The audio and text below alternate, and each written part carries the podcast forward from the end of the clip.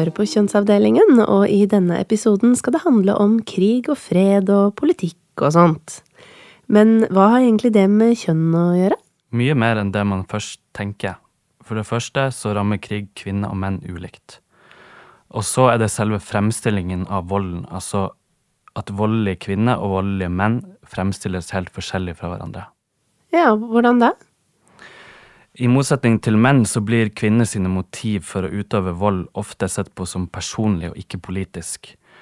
Og i motsetning til menn, som blir sett på som rasjonell og politisk, blir kvinner sett på som irrasjonell og emosjonell når de utøver vold. Hmm. Ja, vi skal snakke om kvinner som drar i krigen i denne episoden. Eh, nærmere bestemt eh, kvinnelige fremmedkrigere som drar fra Vesten til Syria for å kjempe med IS. Åsne Seierstad har skrevet bok om to norske kvinner som gjorde nettopp det. Hun kommer for å fortelle oss om hvordan de to søstrene ble radikalisert, men også hvordan de har blitt forstått og forklart her hjemme i Norge. Mm. Mens Esti Strømmen hun har analysert eh, rettssaker mot kvinnelige fremmedkrigere, og funnet ut at det er forskjellige måter å forstå mannlige og kvinnelige krigere på. Ikke sant, men noe av det som skjer i stor stil i krigssituasjoner, er voldtekt og seksualisert vold. I krigen i Bosnia f.eks. ble det utført massevoldtekt i så stor skala at Vesten og Nato så det som nødvendig å gripe inn militært. Mm, akkurat det er noe Inger Skjelsbekk, som kommer til oss i dag, har forska mye på. Hun er eh, førsteamanuensis ved Psykologisk institutt på Universitetet i Oslo, og så er hun forskningsprofessor ved Fredsforskningsinstituttet, PRIO. Så vi tenkte å spørre henne da om hvilken rolle kjønn spiller i krig og i fredsprosesser. Mm, jeg lurer annet på hva som hadde skjedd om vi hadde hatt en mer kjønnsbalansert militær styrke.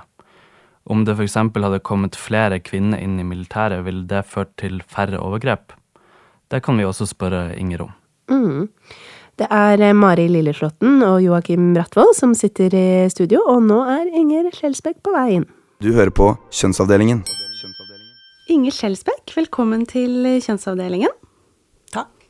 Eh, vi har eh, mange spørsmål til deg i dag om hvilken rolle kjønn spiller i krig og konflikt. Og vi er klar over at krig ikke er stedet å lete etter likestilling, men aller først, hvordan rammer krig eh, menn og kvinner ulikt? Det rammer ulikt på mange måter. Um, soldaten er jo i første rekke veldig ofte en mann, selv om det fins kvinnelige soldater også. Eh, og de som soldaten skal beskytte og kjempe krigen for, kan du si, er gjerne sivilbefolkningen, som ofte da er kvinner og barn og eldre. Eh, så allerede der så ligger det en sterk kjønning av krig, for å si det sånn. Og menn er jo opplært til å forberede seg på krig i mange kulturer. De er opplært eh, ofte til å bære våpen. Og det er ikke kvinner. Så i det øyeblikket det blir en konflikt, så har man veldig forskjellige forutsetninger for å møte den situasjonen som menn og kvinner. Eh, og gjennom det så rammes man jo også forskjellig. Kvinner har jo ikke da samme måte å kunne beskytte seg på som menn ofte har. Kvinner og barn eh, setter ofte på flukt, så de, og her diskuterer man mye tall, og det er en del uenighet, men et tall som har versert i mange, mange år, er at 80% av verdens flyktningbefolkning er kvinner og barn. Eh, så vil noen si at det kanskje ikke stemmer men, og at det, ja, det, er andre tall som er mer realistiske eller mer reelle. Eh, men at eh, kvinner og barn må sette på flukt fordi de bor i de områdene og blir igjen, kanskje når mennene drar ut og kjemper, og blir sårbare, gjør at de må, må sette på flukt. Men ut ifra det du sier nå, så er det jo helt klart kjønnsdimensjoner og kjønnsforskjeller i mm. krig. Men, men, kan vi si at måte, krigen har et kjønn? Er krigen eh, knytta til måte, maskuline egenskaper eller mm. maskulinitet? Mm. Vet, eh, det er en amerikansk forsker som heter Cynthia Enlow, som har skrevet mye om dette her, og hun sier det at uh, i det øyeblikket vi oppfatter noe som naturlig, så slutter vi å stille spørsmål ved det. Mm.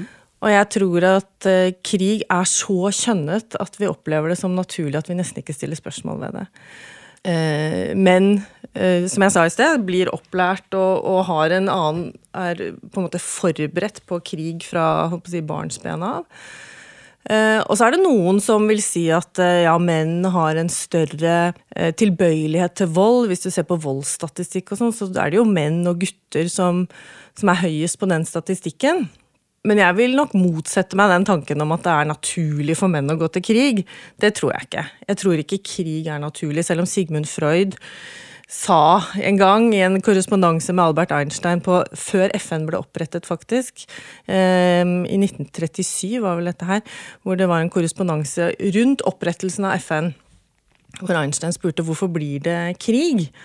Og så svarte Freud da, i en, et eh, brev som har blitt til en bok, Eh, at eh, når det er uoverensstemmelser, så vil særlig mens Eller han bruker ordet man, men det betyr jo da menneskeheten. Men i dette tilfellet en politisk aktør, mm. som da ofte er en mann, og i hvert fall i 1937, vil eh, ty til vold, sier han. Men denne volden kan overkomme, sier han, dersom man har gode allianser, dersom man har gode andre måter å løse ting på. Så jeg har, jeg har jobbet på Psykologisk institutt også, har psykologi som fag. Så det er klart, man kan ikke underkjenne at det er ulikheter i måten man reagerer på aggresjon, eller altså på frustrasjon og, og, kan reagere aggressivt, men at det skulle føre til at menn naturlig går til krig, det tror jeg ikke noe på. Jeg tror det er altfor mange sosiale prosesser som er i spill. Men at maskulinitet og militær identitet, at det henger veldig tett sammen, det tror jeg på. Um, over til uh, en del av det som skjer i, i krigssituasjoner. Ditt forskningsfelt er jo særlig uh, krigen i det tidligere Jugoslavia. Og det var først etter uh, krigen her, på, tidlig på 90-tallet, at man begynte å snakke om seksuelle overgrep og seksuell vold som et strategisk våpen brukt i krig. Og den internasjonale krigsdomstolen for tidligere Jugoslavia var den første som systematisk straffeforfulgte voldtekt i krig.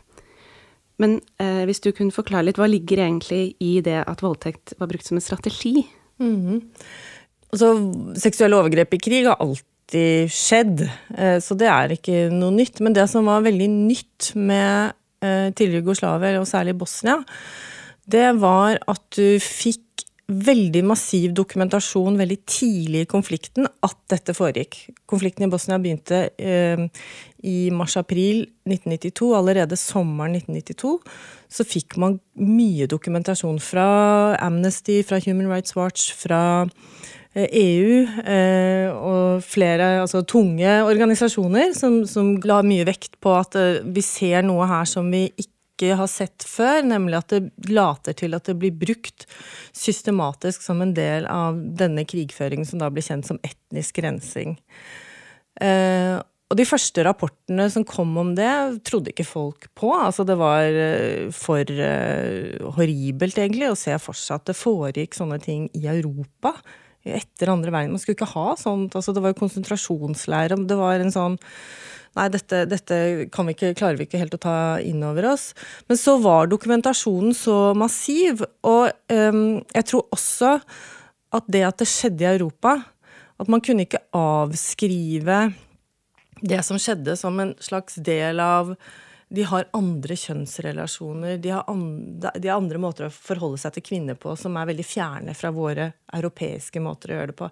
Den retorikken kunne man ikke bruke. Dette var på en måte vår eh, i, i, vårt område, vårt vestlige område. Og, og man begynte å se at det, det fulgte da dette mønsteret med etnisk rensing, hvor det var områder hvor eh, menn ble drevet på flukt, kvinner ble holdt igjen og da ble utsatt for overgrep, eller at de var holdt i fangenskap, og, at selve konsentrasjonsleiren eller leirene var delt i to, og kvinner ble holdt ett sted og utsatt for systematiske overgrep. Og dette spredte seg jo eh, som rykter befolkningen, så det er klart eh, Folk ble veldig redde for at det kunne skje der hvor de bodde, så folk satte på flukt. Og dette var jo noe av hensikten også, å drive folk ut de blanda områdene. At man drev folk ut sånn at de ble etnisk eh, rene. Og det som veldig veldig viktige arbeidet som har foregått i Den internasjonale straffedomstolen, viser jo også at dette var um, Dette ble brukt hvor overgriperen tilhørte én etnisk gruppe, offeret tilhørte motstanderens etniske gruppe. Og så er det jo tre etniske grupper som kjempet mot hverandre i Bosnia, så dette er jo ikke, dette er et komplisert bilde. Man fant ut at dette må vi også straffeforfølge. Det internasjonale samfunnet kan ikke akseptere at dette skjer, og vi gjør ingenting. Uh, Mens andre konflikter tidligere hvor man vet at det ble brukt mye seksuelle overgrep som en del av krigføringen, der begynte man ikke å snakke om det før det hadde gått nesten en generasjon. Så det gjør at Bosnia er veldig, veldig forskjellig fra hvordan det var før. Um, og det gjør også at man fikk uh, et stort engasjement for å forhindre. Hvis det skjedde for en generasjon siden, så kunne du ikke forhindre det. Men hvis du får dokumentasjon nesten sånn real time, så kan du kanskje gjøre noe for å forhindre det. Og det satte i gang et stort, stort internasjonalt arbeid i FN og regi og andre steder for å jobbe med å forebygge denne formen for overgrep. Mm. Mm. De overgrepene i Bosnia de ble gjort til et kollektivt sikkerhetsproblem også mm. for Vesten og Nato og osv. Hvorfor er det at noen sånne overgrep blir gjort til kollektive sikkerhetsproblem, mens andre forblir på en måte i det nasjonale eller individuelle? Nei, det nye var jo at man sa at, at dette var en krigsstrategi. Og da, ved å si det, så er det en del av et, en sikkerhetstenkning, og hvor du har eh, folk som skal holdes ansvarlige. Hvem hadde ansvar for at dette foregikk. Og så har det vært mye diskusjon. Var det beordret? Var, altså, man lett, liksom, var det sånn at man i Bosnia Noen på toppen som hadde nærmest planlagt og lagt det inn og sagt at uh, dette kan din gruppe gjøre, og dette kan din gruppe gjøre.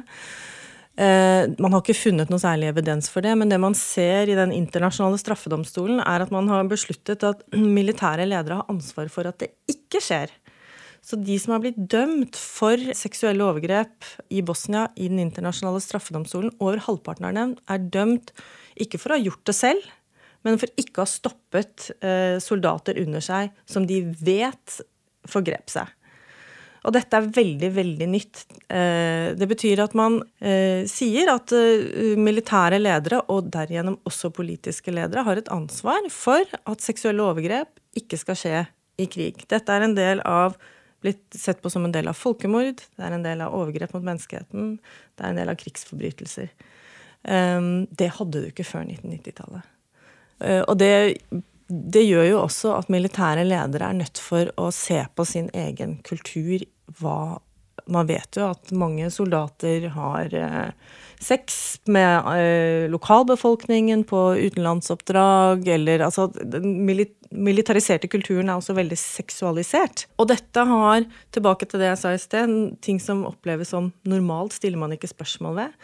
Og det at gutter har seg, på en måte, særlig soldater, har vært en del av en militær normalitet.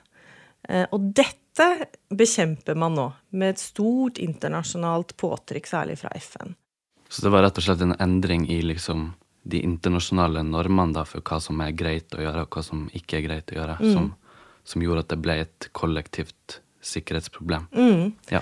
Det har vært forsøk også på studier og sånn som har forsøkt å anslå altså hva betyr det i et samfunn som har vært rammet av krig, kanskje særlig da eh, borgerkrig, hvor sivilbefolkningen blir hardt rammet, og hvor kanskje seksuelle overgrep er utbredt, og mange kvinner eh, blir da ødelagt på ulike vis. Noen blir jo veldig stigmatisert sosialt, noen blir det og blir eh, ødelagt fysisk. Sånn at muligheten for å kunne få barn blir jo mindre. Eh, og, hva, og kvinnene kan kanskje ikke jobbe. altså Det er jo litt sånn ulikt hvordan disse overgrepene har tatt form, men, men det har en kostnad for et samfunn. Så det har vært forsøk, uten at jeg har de tallene helt present, men altså det har vært forsøk på å estimere hva betyr det av eh, tap da, for mulig fremtidig jobb og gjenoppbygging hvis du har utstrakt bruk av seksuelle overgrep i en konflikt. Eh, og Det er også en del av en sånn anerkjennelse at dette er ikke en privatsak for offeret. Det er ikke noe som handler om en relasjon mellom overgriper og ofre. Det handler om store samfunnsstrukturer, store aktører som, som har ansvar. Eh, og det faller utenfor. Du har jo rett til å drepe, du har jo rett til å sant, Gitt visse forutsetninger. Seksuelle overgrep er aldri tillatelig. For det er alltid et overgrep mot altså, eh, eh offerets ære og ja, så, Som er liksom sjargongen i det, disse lovtekstene. Så det, det, er aldri lov, og det sier da noe om den personen som har begått disse overgrepene, som ikke er veldig ærefullt. Så dette det, Jeg tror at soldatrollen endrer seg, og jeg tror at militære ledere over tid vil ta dette inn over seg og jobbe mye. Og norske forsvaret har jo også jobba mye med dette her. og liksom At soldaten eh, skal være på mange måter en hjelper, en støtt beskytte ikke sant? At man, man har jo diskutert det i forhold til Afghanistan og sånn, at man driver med nesten sånn bistandsarbeid med uniform.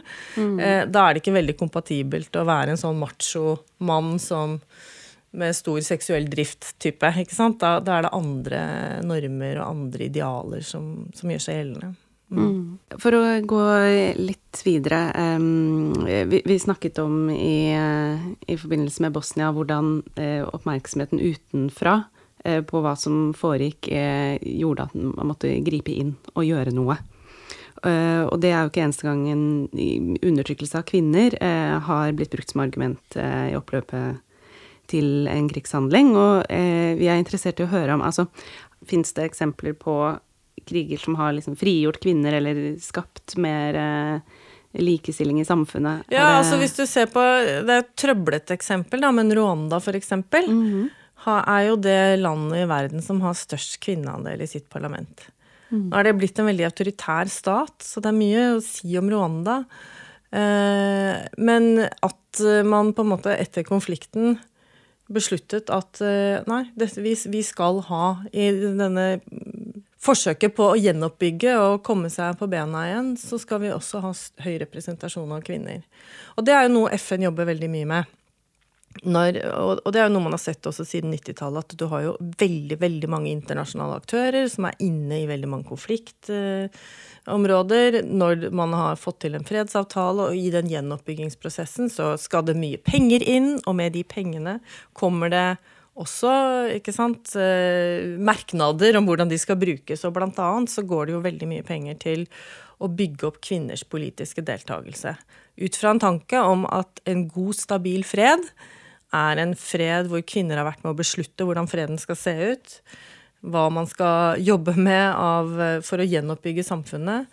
Uh, og ja, så det er mye påtrykk på det. Og, men altså, det som handler om å endre likestilling og endre kvinners kår i mange andre Det er veldig vanskelig å gjøre det når du kommer inn utenfra. Altså, dette stikker veldig dypt. Uh, og det handler om hvordan man lever sine liv hjemme, privat, i familiene og sine lokalsamfunn. Så det er veldig vanskelig å liksom komme nærmest med bombefly og lage likestilling, da. Ja, det har jeg ikke noe særlig tro på. Man ser jo veldig ofte under en konflikt, så selv om vi begynte med at krigen kan være veldig kjønnet, at menn og kvinner har tradisjonelle ulike roller, symbolsk og praktisk, så vet man jo også at under krigen så må kvinner ofte ta roller som de kanskje ikke hadde før. Altså Man husker jo fra andre verdenskrig hvor kvinner gikk i fabrikken og, og sånn. Eh, og, og, bidro til, til krigsinnsatsen. Og det gjør jo noe med liksom at man Eh, får nye ferdigheter, man opplever at man har en annen plass. Og det som er veldig interessant når en konflikt er over, er at man ser ulike ting. For det er veldig ofte når en konflikt Og dette har man sett i flere konflikter i Latin-Amerika, sånn, hvor det var mye kvinner f.eks. i de militære styrkene, i geriljabevegelser og sånn. De hadde kanskje båret våpen i mange år, levd med menn i bushen og sånne type ting. Og så er krigen over, og så er det et sånn veldig sterkt ønske om at man skal gå tilbake til veldig tradisjonelle kjønnsroller. Og, jeg tror det, og det er det veldig mange kvinner, hvis du spør dem, som har vært aktive i en krig, så er det noe av det de syns er den største skuffelsen etter krigen. Eh, er at eh, sant, jeg hadde makt, jeg hadde innflytelse, jeg var en del av krigsinnsatsen og en del av liksom, samfunnet, og så skal jeg nå liksom lage brød på kjøkkenet. Eh, det, litt mindre, mindre stas? Det, det, er litt mindre stas, men jeg tror det, det innebærer også et sånn ønske om å komme tilbake til en forestilt stabilitet. At, og den innebærer veldig tradisjonelle kjønnsroller. Men det man også ser på den andre siden, er jo også at etter en konflikt så er det jo et mulighetsrom for også å endre på kjønnsroller. Og det er også noe som skjer altså f.eks. i Bosnia, som jeg har jobbet mye med det at det var så veldig mye oppmerksomhet mot seksuelle overgrep under konflikten, gjorde at etter konflikten så ble det jo en mye større bevissthet rundt eh, overgrep generelt. Eh, og at eh, en mann kunne ikke forgripe seg mot sin kone, det var ulovlig. Eh, og, det var ikke det at ikke man hadde tenkt på det før i Bosnia, men det ble regelverk, og det ble oppmerksomhet, og du hadde et stort internasjonalt påtrykk også på å endre en del ting. Så det kan gå også i positiv retning, da. I USA så har det vært mye debatt om at Trump vil forby transe i militæret. Og så lurer vi på om det med økt kjønnsmangfold i Forsvaret, hvordan spiller det seg ut i militære operasjoner? Fører det til færre overgrep, f.eks.? Mm. Det tror jeg ikke man vet. Men jeg tror man antar at det kan virke dempende på eh, denne litt sånn hypermaskuline militær... Eller altså hypermilitariserte maskuliniteten, for å si det sånn. Og man har jo Altså, for det første så har jo ikke folk med ulik seksuell identitet hatt lov til å flagge det. Eh, I de fleste militære, så, så, man vet jo ikke så veldig mye. De har vel egentlig måttet skjule det. Og når det gjelder kvinner, og kvinner med ulik bakgrunn, for å ta i den norske sammenhengen også, altså, så har jo ikke det vært så veldig mange der heller. Så dette er jo sånn man må følge med på og, og observere og konkludere når det har gått en tid. Men, men, man antar jo det, at eh, det, det, vil endre kulturen. Og det vet man jo fra andre typer studier, at eh, mangfold endrer organisasjonskulturer på ulike måter. Og Forsvaret tenker jo at eh, kanskje man kan få bedre etterretning, kanskje man kan få tilgang til informasjon og sånn som man ikke kan eh, hvis man er for lik, da. Eh, så det tror jeg jo er viktig. Og så er det jo noe normativt også ved at eh, et forsvar skal jo speile det landet man representerer, og de, der er det mangfold.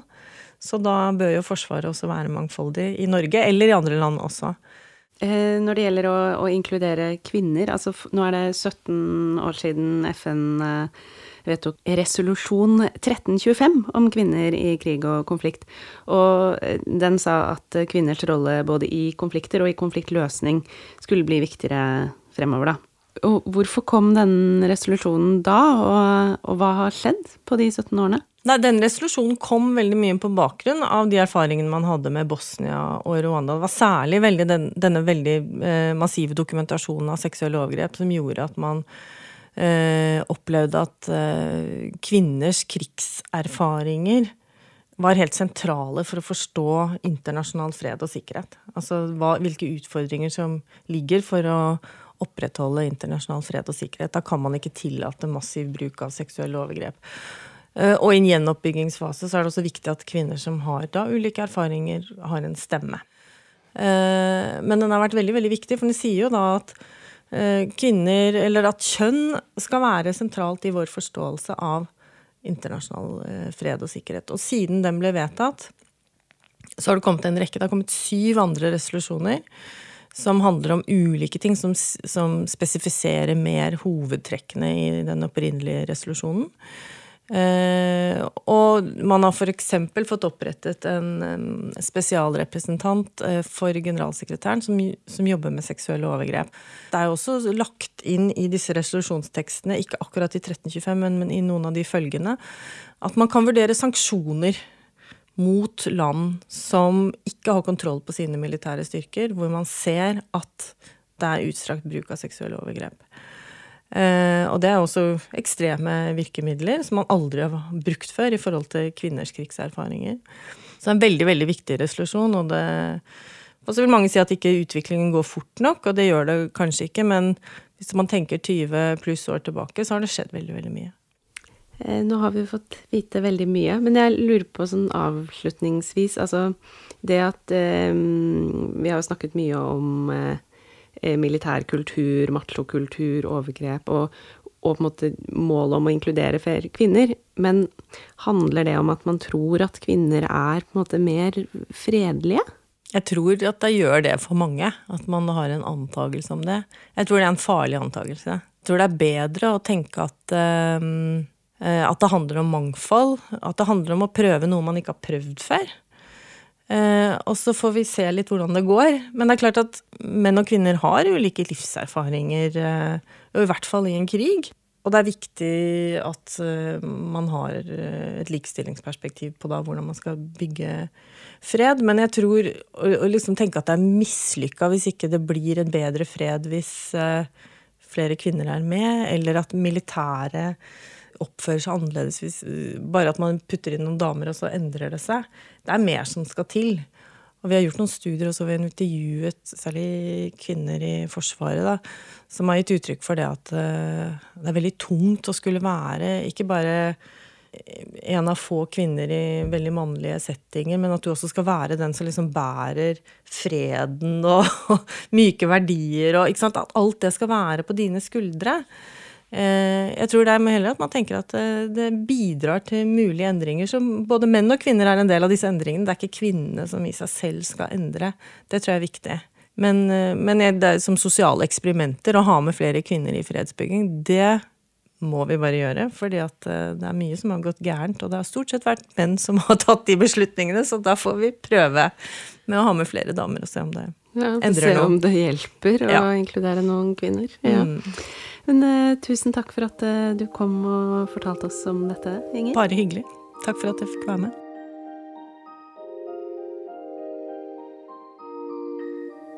Ja, man tro om eh, krig hadde sett helt annerledes ut hvis det var flere kvinner involvert? Men som Inger sa, så har jo ikke det vært prøvd ut enda, så da er det vanskelig å vite om det hadde vært mer eller mindre fredelig av den grunn.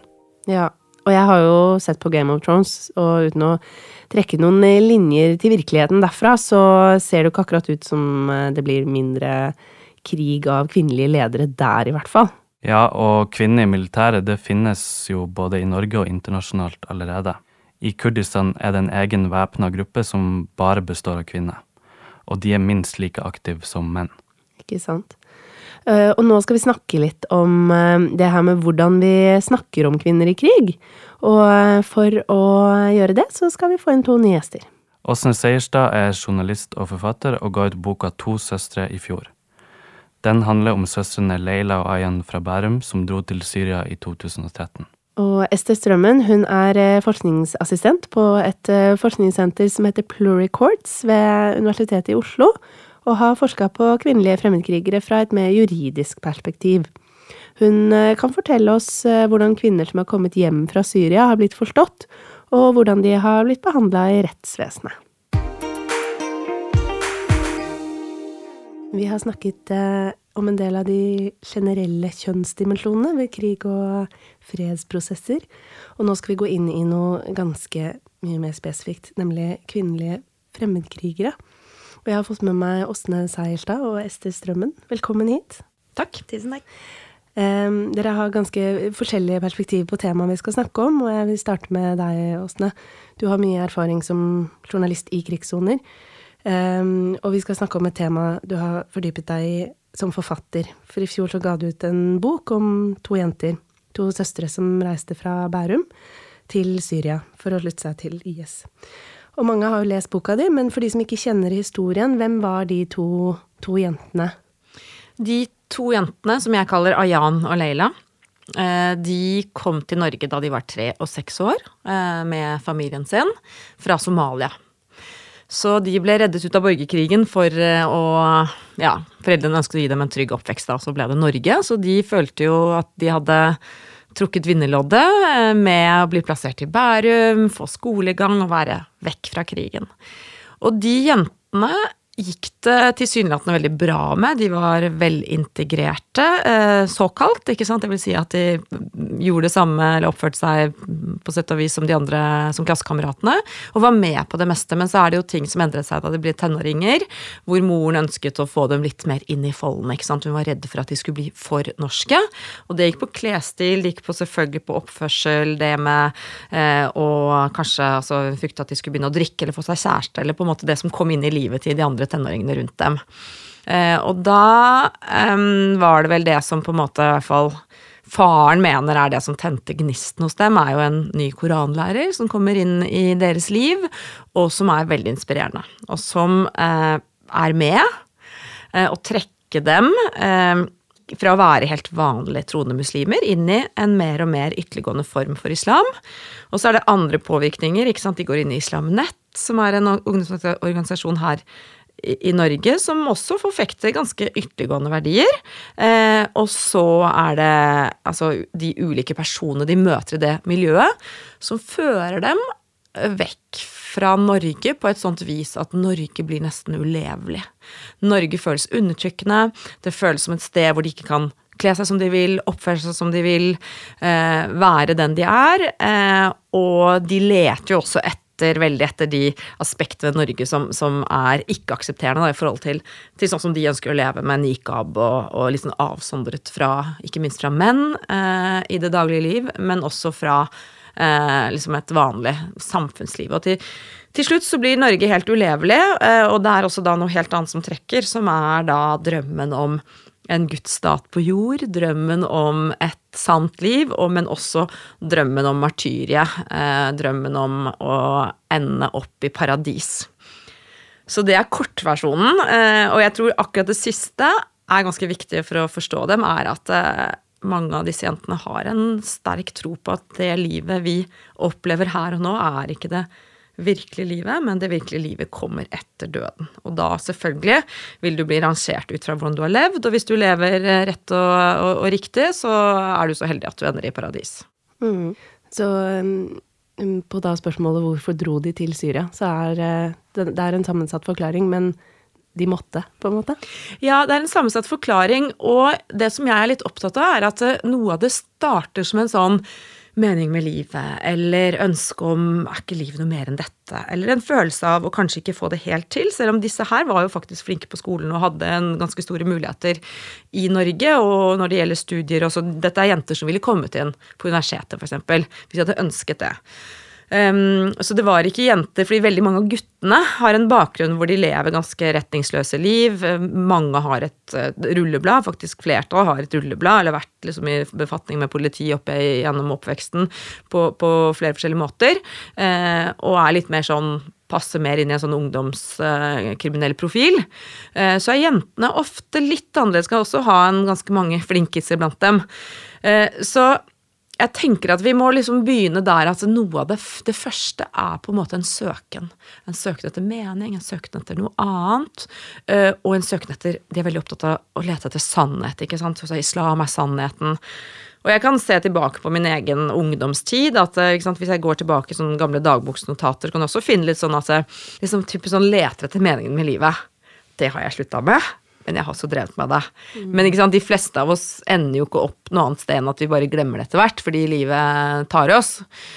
Men hos noen så, så tar det overhånd. Eh, og så finner de meningen i islam, og så er det da på en måte den påvirkningen fra de personene rundt som gjør at eh, noen som dem eh, tar den helt ut og, og ender opp med, med, å rett og slett eh, emigrere til Syria, da. Mm. Og når de kom dit, hva, hva gjør de? Hva, hva, gjorde de? Hva vet vi om, om, rollene de har fått der? Altså Det vi vet som gjelder både dem og, og, alle kvinner som drar til Syria, er, og det vet vel de fleste når de drar dit òg, er at de skal eh, Altså, ingen av de skal bli krigere. Det er sikkert noen som har trodd det, men det tror jeg egentlig er fåtallet. Fordi de har allerede, for å bare gjøre den ekstreme handlingen å reise dit, som de vet er på en måte, som hun sier, også hun har Jan til en venninne som En venninne som sier sånn Ja, jeg har litt lyst til å være med, men jeg har lyst til å teste et års tid. Og så sier Ayan Et års tid? Du vet jo at vi drar for å dø. Mm. Ikke sant? Jeg, får inntrykk av også det jeg leser fra blogger og sånn, eller jeg leste, for de har sluttet å blogge nå. Det eh, var en sånn forståelse for at de skulle, eh, de skulle fylle rollen som koner mødre, ikke minst. Det er jo det viktigste, at de skulle liksom opprettholde eller få befolke kalifatet. Eh, og gå inn i en sånn logistikkrolle, da. Eh, ved å lage mat, ved å eh, sørge for at eh, liksom, krigerne har et sted å komme tilbake til. Eh, så når man kommer dit, så blir man eh, Man blir plukket opp på grensen, og så blir man, de aller fleste, da, blir kjørt til noe som heter en makkar, som er et slags herberge for single kvinner. Og der blir du til du blir gifta bort. Mm. Eh, og da får du um, et visst valg, ikke sant. Du kan, hvis det kommer noen Det er ikke sånn at menn kommer sånn og plukker ut, det er mer koblet enn som så. Eh, at de får en anbefaling, og så kanskje så får, man, får de kanskje møtes. Hun får lov til å si nei, i hvert fall det som jeg har hørt flere som har fortalt. De kan, altså, hvor mange ganger kan du si nei? Altså, på et eller annet tidspunkt må du ta en, da. For du mm. kan ikke leve som singel kvinne i kalifatet. Ja, og Ester, du har jo kjennskap til eh, kvinner som har dratt for å bli med i IS gjennom studier av rettssaker, annet, og kjenner en del internasjonale saker.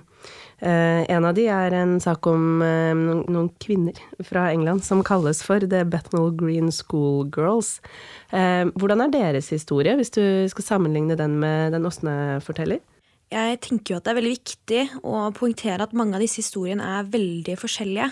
Man mm. har jo visse trekk som kan tas gjennom, og likheter som fins, men jeg mener det er veldig viktig å presisere at man må få fram nyansene i disse forskjellige sakene. Um, Batman Green Schoolgirl-saken er en spesiell sak i seg selv, fordi de er meget unge når de drar. Det er da disse tre unge kvinnene som reiser fra Bethnal Green London. Um, og da er de hvor gamle? De er da 15, 16 og 15 um, når de reiser de får ekstremt mye medieomtale. Og det blir tatt et bilde av de eh, på CCTV i England, og dette bildet går verden rundt. Eh, og de blir ekstremt kjente eh, gjennom akkurat dette bildet. Og da får de med, Det blir mer og mer medieomtale rundt dette at de har valgt å dra. Det blir mange forskjellige forklaringer og mm. Ja, og, og, som du sier, altså det er mye medieomtale, og det har jo også vært mye mediefokus på saken som du har skrevet om, Åsne. Og ut ifra deres eh, det dere har sett, eh, hva tenker dere om forskjellen på hvordan vi snakker om kvinner som drar til Syria, og menn som drar til Syria? Det vanligste er jo at menn som drar til Syria, blir omtalt som fremmedkrigere. Og kvinner som reiser, blir eh, veldig ofte omtalt som jihadbruder. Dette begrepet som vi på en måte har festet til disse menneskene som velger å dra. Og det som du også ofte ser, er veldig kjønnsladende narrativt. At vi har eh, veldig skjønnede forankringer i både kjønn og kjønnsrolle av hva folk gjør. Og så er det stor uenighet eh, hva man også skal kalle folk som drar til Syria IS. Er de reisende? Er de migranter? Er de fremmedkrigere? Er og mange forskjellige forskere, politiet, PST. Folk bruker forskjellige ord eh, for å forklare disse menneskene, fordi det er uenighet. Det er uenighet rundt eh, definisjonen av terror, det er uenighet rundt definisjonen av fremmedkriger. Men kvinner eh, diskuteres mer i en seksualiserende og infantiliserende måte. Det at de blir jihadbruder, eh, at de reiser for å gifte seg. De har en form for seksuell jihad, ser du ofte i media. Og det kan bli trukket ganske langt. Hmm. Eh, fortalte fortalte at det er måte, alternativet er å gifte seg. Er det andre roller tilgjengelig enn den rollen som jihad-brud? Så det varierer veldig og er egentlig veldig vanskelig å uttale seg på, fordi det er relativt dårlig informasjonsflyt. Og akkurat det som skjer forskjellige steder på bakken, kan være vanskelig å komme med store trekk ut av. Men ja, de fleste som reiser, har nok en domestisert rolle. Men akkurat nå vil jeg egentlig si at man kanskje ikke vet eh, mer til å kunne si med stor sikkerhet eh, noe mer utenfor det. Hmm. Du har jo studert rettssaker mot eh, kvinnelige fremmedkrigere, eller som har hatt planer om å bli fremmedkrigere. Eh, hvordan eh, har de blitt dømt? Ut ifra de dybdeundersøkelsene jeg da har sett på, med fire saker i andre land enn Norge, så får kvinner i noen saker mindre straff enn menn. Du har også da denne skjønnsladede ideen om hvordan man snakker om kvinner. Det som vi ser i media, eh, finner vi også til en viss grad i rettsdokumenter og lignende. Det du har vanligst, er da tre narrativ som er uh, veldig godt kjent innenfor skjønnsstudier og terrorismestudier, som er da skapt av uh, Laura Schoberg og Karen Gentry, som er da Mothers, Monsters og Horse. Som er de tre vanligste båsene som kvinnelige ekstremister da settes inn i.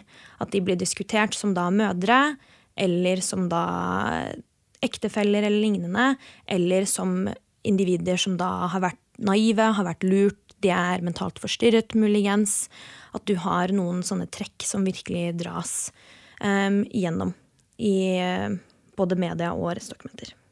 Hvordan passer det Ester forteller nå med hvordan uh, de du har skrevet om, har blitt forstått, uh, Åsne? Ja, jeg er veldig enig med alt Ester sier egentlig her.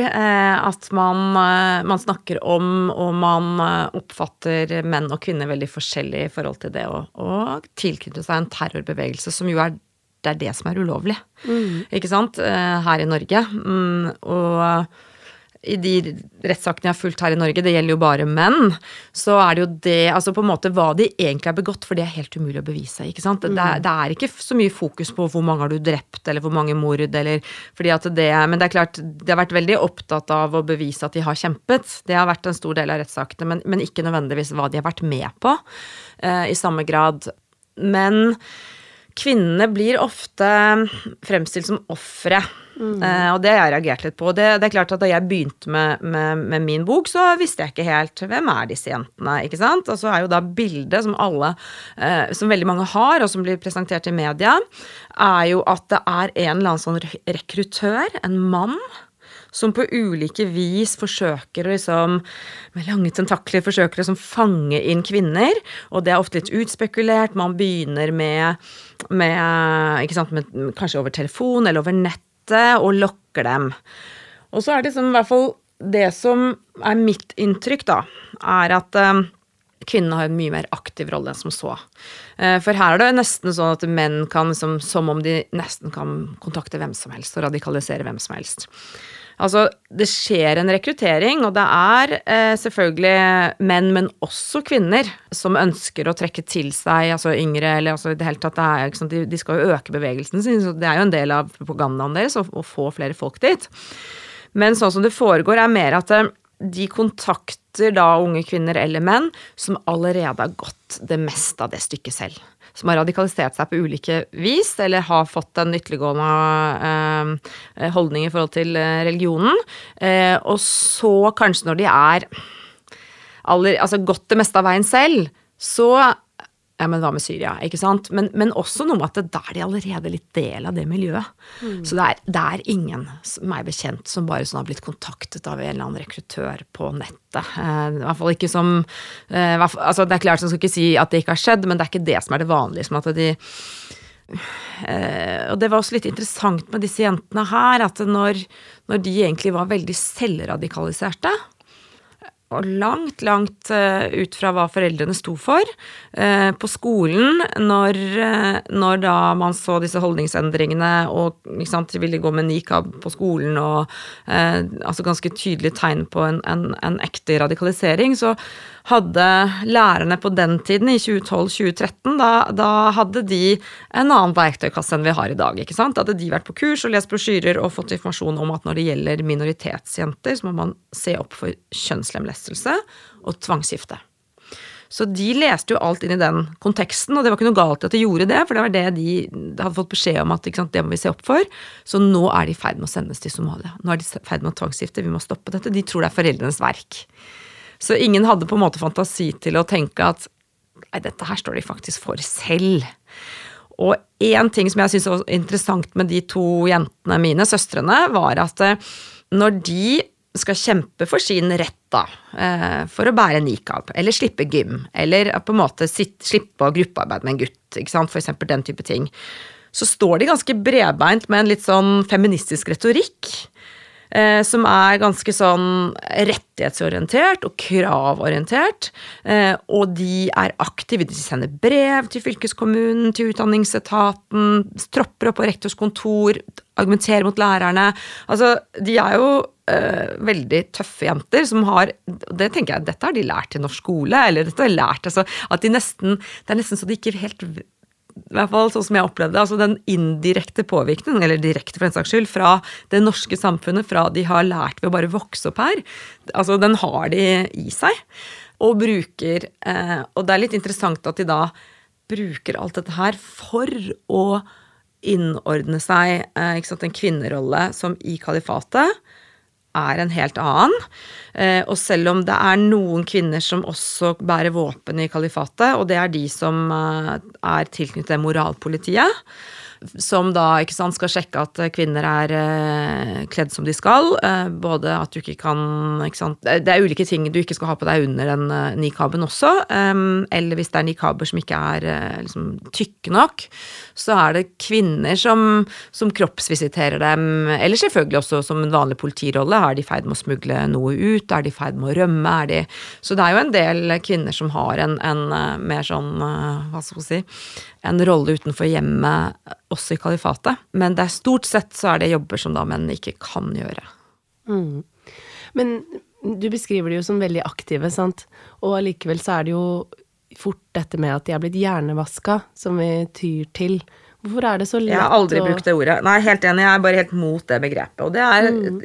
det er noe med Selvfølgelig, foreldre bruker alltid det ordet hjernevasket, og det gjør jo foreldrene i denne boka her òg. Mm. Eh, og det er ikke så rart, fordi at hvis noen er hjernevasket, så er det jo ingen som har noe skyld. Da har ikke de noe skyld, da har ikke jenten noe skyld, da er det noe der ute. Særlig hvis man til og med kan skylde på internettet. Så er det i hvert fall ikke engang en eller annen imam eller en koranlærer. Det er på en måte helt skyldfritt, og det er noen som har gjort det. Så, så jeg har unngått det begrepet, med mindre faren sier det, de må være jernvasket. Eh, men det blir igjen at vi ser på kvinner som ofre. Eh, hvorfor bruker vi det på kvinner, ikke på menn i tilfelle? Eh, der er det virkelig ingen forskjell. Nei, ikke sant. Mm. Eh, hva tenker du, Ester, om det som Åsne sier? Hvorfor blir kvinner fremstilt som ofre, eller eh, hjernevaskede? Ja, jeg syns jo altså begrepsfestningen rundt dette også med hjernevaskning og naivitet eh, er kjempeinteressant. Naivitet er jo noe som blir brukt om både menn og kvinner. Men jeg tror jo vi absolutt igjen har en veldig sånn skjønnet forståelse av da vold, og hvem som er en legitim voldsutøver. Og det har veldig mye å si med hvem vi tror frivillig reiser til en konfliktsone. Det blir jo en gjenspeiling av hvem som vi anser som da politiske eller ideologiske aktører. Og også det igjen at kvinner da forklares veldig i forhold til menn. At det er den måten eh, disse damene da blir eh, diskutert. Det tror jeg er verdt å poengtere. Jeg tenker jo mye av eh, begrepsfestningen rundt fremmedkrigere er akkurat så interessant fordi vi snakker så mye om de. At grunnen til at vi også gir disse begrepene veldig mye eh, oppmerksomhet, er fordi de får mye oppmerksomhet. Fremmedkrigere generelt, eller personer som reiser til Syria og Irak, får veldig mye eh, medieomtale og ja. Mm, du er jo også inne på det, det får veldig mye omtale. Men, men hvor stort er dette fenomenet egentlig? Det er jo eh, egentlig ikke et så enormt fenomen i forhold til hvor mye oppmerksomhet det får. Det er jo selvfølgelig verdt å notere at det har vært ganske mange som har reist. Men historisk sett har det vært ganske mange som har reist for å være fremmedkrigere i diverse kriger. Mm. Dette er ikke, Syria og Irak er ikke første gang. Og det er veldig godt detaljert om, gjennom mye forskning og mye informasjon. Um, akkurat det med Syria og Irak er nok det at igjen det har blitt festet så i media. At det da har fått så mye mediaplay. Um, og at folk har blitt veldig bevisst over det og at det har vært så offentliggjort. Eh, og det får nok dette til å virke som et veldig veldig stort problem når det er ikke så mange mennesker. Men i mm. vår tid, eh, hvis vi unntar Spania eh, og um, Spaniakrigen, så er det jo første gang at så mange fra Europa drar. Fordi tidligere, ikke sant, Afghanistan, eh, da var det jo veldig mange fremmedkrigere, men fra den arabiske verden primært. Veldig få fra Europa og eh, Bosnia, Tsjetsjenia, en del av de krigene, så var det um, ikke sant, Det var rekruttert, men ikke, ikke, på den måten som vi har sett nå. Og det er første gangen at kvinner er blitt rekruttert på den måten. Når du har hatt kvinnelige krigere tidligere, om det er i Kurdistan eller Tsjetsjenia, så har det vært lokale kvinner som har liksom på en måte kjempet for landsbyen sin. Så det at eh, så mange Og til Afghanistan så var det Det var en del koner da, som ble med. Eh, men ingen som dro alene, ikke som nå. at det på en måte, det, Men det er jo også bildet på vår tid, da, at det er flere selvstendige kvinner, i hvert fall så lenge de befinner seg her, før de reiser ned. Så sånn sett så er jo det et nytt fenomen, og så var det på et tidspunkt man ikke helt visste hvordan det skulle stoppe, eller hvordan det skulle ende. Eh, fordi nå er det jo nesten helt uh, slutt på det å reise, fordi av mange grunner, selvfølgelig. Uh, det er ikke mulig å komme seg over grensen lenger. Uh, Tyrkia, Det er ikke lenger noe, noe grense til IS fra Tyrkia, eller andre steder hvor det er lett å komme seg over. Og i tillegg så tror jeg også det er veldig viktig det at IS er jo Det er, snart mistet kalifatet sitt, og det er noe med å være med på Altså, den gangen altså Vi snakker jo ikke lenge siden, 2014-2015, hvor du på en måte ble med på et vinnerlag, da. og nå er det jo virkelig å, å, å bli med på en flyktende, en flyktende hær. Så det er klart at det er ikke så attraktivt lenger. Men det som er En ting er å ta skrittet helt ut og bli fremmedkriger, og det er det som er temaet nå. Men eh, det som PST sa i sin siste rapport i høsten 2016, var at eh, hele 2016, og, og, nå har det gått enda mer tid, hele 2017 så har det ikke reist noen fra Norge til Syria. Mm. Dem bekjent. Mm. Men de skriver også at eh, radikaliseringen fortsetter med samme tempo så lenge ikke årsakene til radikalisering blir gjort noe med. Så eh, hva skjer da? Det vil si at de som radikaliseres, de blir her. Eh, og jeg tror det er ganske langt mellom, og det er ganske et høyt, høyt, skritt fra å reise til Syria til å bli terrorist. Selv om de går inn i en terrorbevegelse, så er det noe helt annet. Det å begå terror selv, det er ganske lang avstand, selv om det er del av samme miljø til en viss grad. Men det er jo det som har også man sett uh, mer i Europa. Frankrike blant annet, så har det blitt avverket ganske mange terrorangrep begått av, eller planlagt begått av kvinner, men de har ikke fått det til. Så det er jo den, det som er faren nå. De har ikke den der ventilen ut, drar til Syria, men uh, står i fare, eller uh, Europa står i fare for at, og andre land for at det begås terror her, da. Det er jo et veldig skummel tanke. Dere har snakket om det at man på mange måter undervurderer kvinner litt i denne sammenhengen. Og hva slags konsekvenser kan det ha, da, hvis man undervurderes kvinners motivasjon, aktive rolle i eh, radikalisering eller i potensielle krigshandlinger? Jeg tenker jo Mye av det jeg har sett på, er at det, mye av måten vi snakker om disse kvinnene, og også i rettssakene, er at veldig mye blir veldig agensfraskrivende. Så det er at disse kvinnene Og hva er agens? Så agens kommer fra engelske agency, som er det å ha en iboende handlekraft eller en mulighet for å ha innflytelse i, innenfor uh, ditt samfunn eller i verden eller uh, hva man har lyst til å si. Mm. Men det at det blir en sånn agensfornektelse ved at vi sier, vi fraskriver på en måte disse kvinnene, hvis vi kaller det jihadbruder, eller vi sier de er hjernevaskede, at uh, man må kunne i hvert fall være villig til å da etterforske og se hva slags forskjellige motivasjoner de kanskje har, og hva de ønsker å gjøre. At de ikke bare nødvendigvis blir sett på da, i disse forholdene til menn. Og i de rettssakene jeg har sett på, så hvis man utøver eh, dette på denne måten, så risikerer man jo å få en viss skjønnet forståelse av eh, retten og rettsprosess. Og så ut fra også det Åsne var inne på, noen sikkerhetshensynmessige ting. Også da dette som Thomas Hegghammer og Petter Nesse snakker om, individuell jihad. Folk som eh, utøver dette i Vesten. Og hvordan man ser videre på det. Og hvordan man viktigst av alt holder på med prevensjon og deradikalisering og det å rehabilitere eh, mennesker. Eh, som er absolutt det viktigste eh, i alle disse sakene. Mm. Så det å fange opp eh, for å kunne forebygge, rett og slett? Ja. Forebygging er mm. Det er sånn som med vaksiner, som leger sier. Forebygging er utrolig viktig. Hva tenker du om mulige konsekvenser av den måten å snakke om eh, kvinner og menn forskjellig på? Nei, jeg sitter jo og tenker på det nå at um, altså man, uh, man nedsnakker kvinner ikke bare her, uh, men altså til en viss grad på flere områder i samfunnet. Mm. Også her. Mm. Uh, og nei, konsekvensene kan jo være det selvfølgelig at man ikke tar det helt på alvor. Um, og jeg så det var en interessant dokumentar i Danmark som jeg så, som var helt tilsvarende på en måte med min bok, for det handlet om en far som lette etter døtrene sine. Eh, dette var to eh, tyrkiske jenter. Eh, og da var det liksom, når de begynner med dokumentaren, hvordan det er liksom, og de er blitt hjernevasket, og han Eh, altså leter, og det er på en måte stakkars jentene mine, og skjønte ingenting. Skjønte ingenting, for det var ingen tegn på noe som helst, mente han da. Eh, og så gjør jo de Filmteamet gjør jo sin research ikke sant, og kontakter forskere, blant annet, ikke sant, som fulgte med på de jentemiljøene. Eh, og det de finner ut, er at eh, Fordi jentene drar ganske sent. De drar i starten av 2016, da det er liksom nesten ingen reise lenger, så det er ganske spesielt. Eh, og da finner jo filmteamet ut at dette var jo rekruttørene. Dette var de to jentene, to søstre, som hadde rekruttert en masse andre, og som nå nå er det nok, nå drar vi også. ikke sant? Fordi, ikke sant? Litt da, virkelig sånn, ta konsekvensen, vi søker døden eller jihad eller hva vi mm. søker. Så dro også de. Og da var det selvfølgelig full stopp med familien.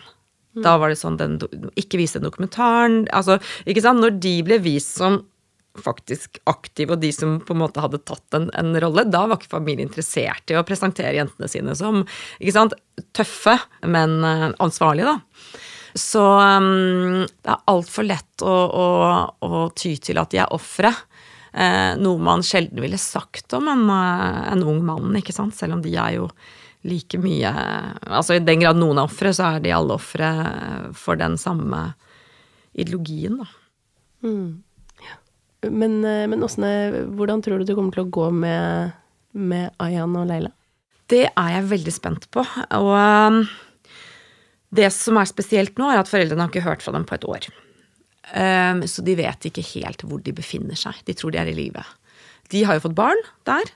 Eh, og nå som kalifatet er i ferd med å smuldre opp, så lever de sikkert eh, eh, Jeg tenker liksom at de må leve et ganske grusomt sted i forhold til hvordan de har levd hittil. For hittil har jo mange av disse kvinnene levd i, i villaer og, og, levd et, et, i hvert fall materielt sett, helt greit liv. Og så var det jo da i forhold til om de kommer hjem. Det er ti norske kvinner som har reist til Syria jeg har ikke lest noe om dem i media på veldig lenge. Det virker ikke som uh, jeg har prøvd å, å få tak i informasjon om dem, men, men, jeg får liksom ikke inntrykk av at noen egentlig helt vet hvor de er. Altså, nå snakker jeg om uh, de jeg har fått tak i, i hvert fall myndighetspersoner og sånn. I hvert fall ingen som vil si noen. Um, og de kan da ikke alle bli der nede. Noen kommer tilbake igjen, og da blir det rettssaker ikke sant, som, som Ester kan følge med på. Mm. Eh, og som, eh, som, faren deres sa nå, eh, når han ble spurt om Altså, ja, men du vet vel at de blir jo arrestert når de kommer til Norge? Så sier han om når de sitter i et norsk fengsel, da skal jeg sove godt. Så det blir en interessant prosess eh, når noen av disse jentene, som kanskje ikke har gjort annet enn å eh, vaske opp og føde barn, når de kommer hjem, og hvilken straff er det da de får. Mm. Ja, så får vi se hva fremtiden bringer på akkurat det området. Men uh, tusen takk for at dere kom hit, uh, Ester og Åsne. Takk. Takk. Ja, har du blitt noe klokere på hva kjønn betyr i krig? Ja. Eller i hvert fall om hva våre forestillinger om kjønn betyr i krig, da. Det at kvinner får lavere straffer og blir sett på som apolitiske når de utøver vold, det er jo noe å tenke over. Eh, og så er det jo mange ting som eh, bare er sånn at det er flest menn. For eksempel er det flest menn som erklærer krig, og det er flest menn som er soldater og terrorister. Ja, men det kan jo virke som de her tingene er i ferd med å endre seg òg, da i og med at man nå ser flere kvinner både i Forsvaret og i terrorgrupper som IS. Men er det egentlig et fremskritt? I en likestilt verden vil vi da ha kjønnsbalanse både i Forsvaret og i terrorgrupper? Ja, det var det. Eh, og så er det jo, det er jo forskjell på en soldat i Forsvaret og en IS-kriger, eh, for så vidt. Og det er vel ikke akkurat fremskritt å berømme at kvinner blir med i IS. Men um, som Inger uh, sa, så kan jo et kjønnsmangfold i Forsvaret kanskje bidra til å dempe den her militariserte hypermaskuliniteten. Kanskje du må bli soldat, Mari? Ja, ikke sant? Kanskje det. Alt for likestillingen. Vi får se. Podkasten du nettopp har hørt, den er i hvert fall produsert av kjønnsforskning.no eh, ved hjelp av Ology Studio. Du hørte Mari Lilleslåtten og Joakim Brattvold, og neste episode den er rett rundt hjørnet og skal handle om økonomi.